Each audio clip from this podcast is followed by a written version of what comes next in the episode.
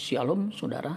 Renungan hari ini berjudul The Blessings of the Breast and Womb.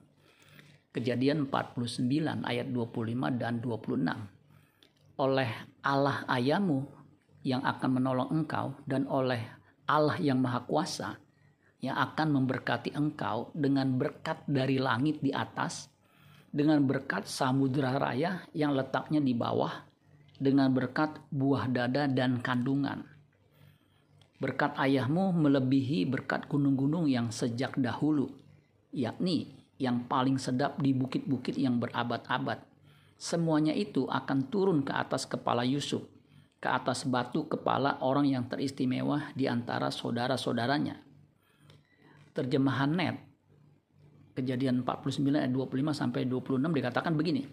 Because of the God of your father who will help you because of the sovereign God who will bless you with blessing from the sky above, blessings from the deep that lies below, and blessing of the breast and womb.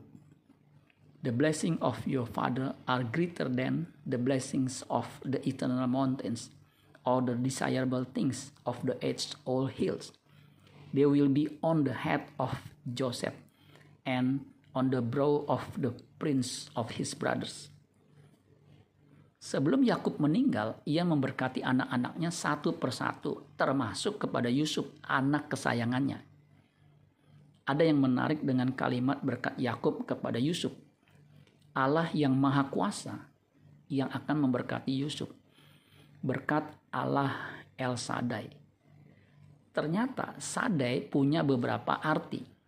Almighty, Maha Kuasa. Most powerful, paling berkuasa field, ladang, land, tanah atau daratan. Kata sadai berasal dari kata sadat yang artinya to violently destroy atau devastate, menghancurkan secara kasar. Berkat apa yang Allah El Sadai berikan kepada Yusuf? Alkitab menegaskan berkat yang didoakan Yakub sang ayah, blessings of the breast and womb berkat buah dada dan kandungan. Kata breast berasal dari kata Ibrani shat. Kata shat satu akar kata dengan sadai atau sadat. Jadi Allah El Sadai, Maha Kuasa, memberikan berkat blessing of breast and womb. Inilah berkat pemeliharaan sempurna seorang wanita. Hanya seorang wanita yang bisa mengandung dan melahirkan sekaligus menyusui bayinya. Seorang bayi cukup diberi ASI, air susu ibu. Bayi tidak perlu makanan lain. Bisa dibayangkan pemeliharaan Allah atas umatnya pasti sempurna. Kita yang percaya kepada Allah Abraham, Ishak dan Yakub tidak perlu khawatir soal makanan dan pakaian.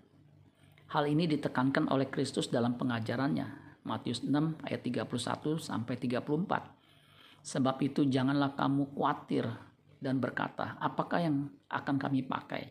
Apakah yang akan kami minum? Apakah yang akan kami pakai? Apakah yang akan kami makan? Apakah yang akan kami minum? Apakah yang akan kami pakai? Semua itu dicari bangsa-bangsa yang tidak mengenal Allah. Akan tetapi Bapamu yang di sorga tahu bahwa kamu memerlukan semuanya itu. Tetapi carilah dahulu kerajaan Allah dan kebenarannya, maka semuanya itu akan ditambahkan kepadamu.